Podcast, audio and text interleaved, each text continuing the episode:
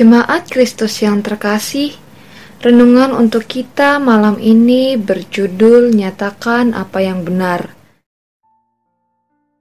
Dan bacaan kita diambil dari Yeremia 26 ayat 12 hingga ayatnya yang ke-16. Beginilah firman Tuhan. Tetapi Yeremia berkata kepada segala pemuka dan kepada seluruh rakyat itu, katanya, Tuhanlah yang telah mengutus aku supaya bernubuat tentang rumah dan kota ini untuk menyampaikan segala perkataan yang telah kamu dengar itu. Oleh sebab itu, perbaikilah tingkah langkahmu dan perbuatanmu, dan dengarkanlah suara Tuhan Allahmu, sehingga Tuhan menyesal akan malapetaka yang diancamkannya atas kamu. Tetapi aku ini sesungguhnya, aku ada di tanganmu Perbuatlah kepadaku apa yang baik dan benar di matamu.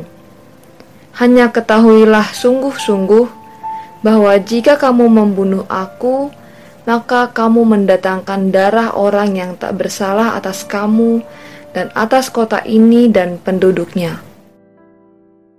Sebab Tuhan benar-benar mengutus aku kepadamu untuk menyampaikan segala perkataan ini kepadamu.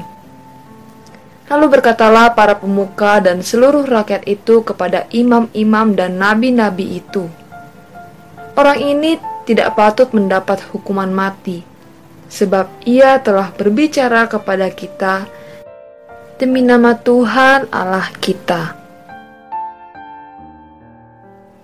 Menyatakan kebenaran dalam situasi sulit tidak selalu mudah apalagi bila kelompok mayoritas bertentangan dengan apa yang akan dan sudah kita katakan. Potensinya kita bisa saja dimusuhi dan mendapatkan perlakuan yang tidak adil dan semestinya. Apalagi jika yang harus kita tegur adalah orang-orang yang kita kenal dan kita kasihi betul. Tak mudah untuk menyatakan kebenaran dari Allah karena kita pasti akan ada di persimpangan jalan antara menegur atau membiarkan karena kita takut relasi kita rusak atau berpotensi menyakiti orang-orang terkasih kita. Apa yang dilakukan Nabi Yeremia dalam bacaan kita saat ini juga merupakan gambaran situasi tersebut. Ia dipakai Allah untuk menyatakan kebenaran dan bahkan siap bila nantinya orang yang mendengar perkataannya tidak terima dan ingin membunuhnya. Nabi Yeremia mengatakan bahwa apa yang ia katakan bukan dari pikiran dan kehendaknya sendiri. Sehingga bila banyak orang tersebut tidak terima dengan perkataannya, mereka bukan berurusan dengan Nabi Yeremia, namun berurusan langsung dengan Allah yang memerintahkan Nabi Yeremia. Demikian pula dengan kita saat ini. Bukankah sering kali Roh Kudus juga berkata kepada kita untuk menyatakan kebenaran?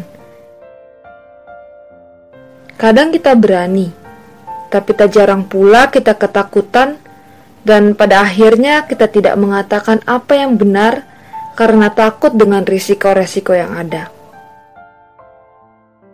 Lebih baik kita tidak disukai karena menyatakan kebenaran daripada mendiamkan sesuatu yang salah. Demikianlah renungan pada malam hari ini. Semoga damai sejahtera dari Tuhan Yesus Kristus tetap memenuhi hati dan pikiran kita. Amin. Jemaat yang terkasih, mari kita bersatu hati menaikkan pokok-pokok doa yang ada dalam gerakan doa 21 GKI Sarwa Indah. Mari kita berdoa.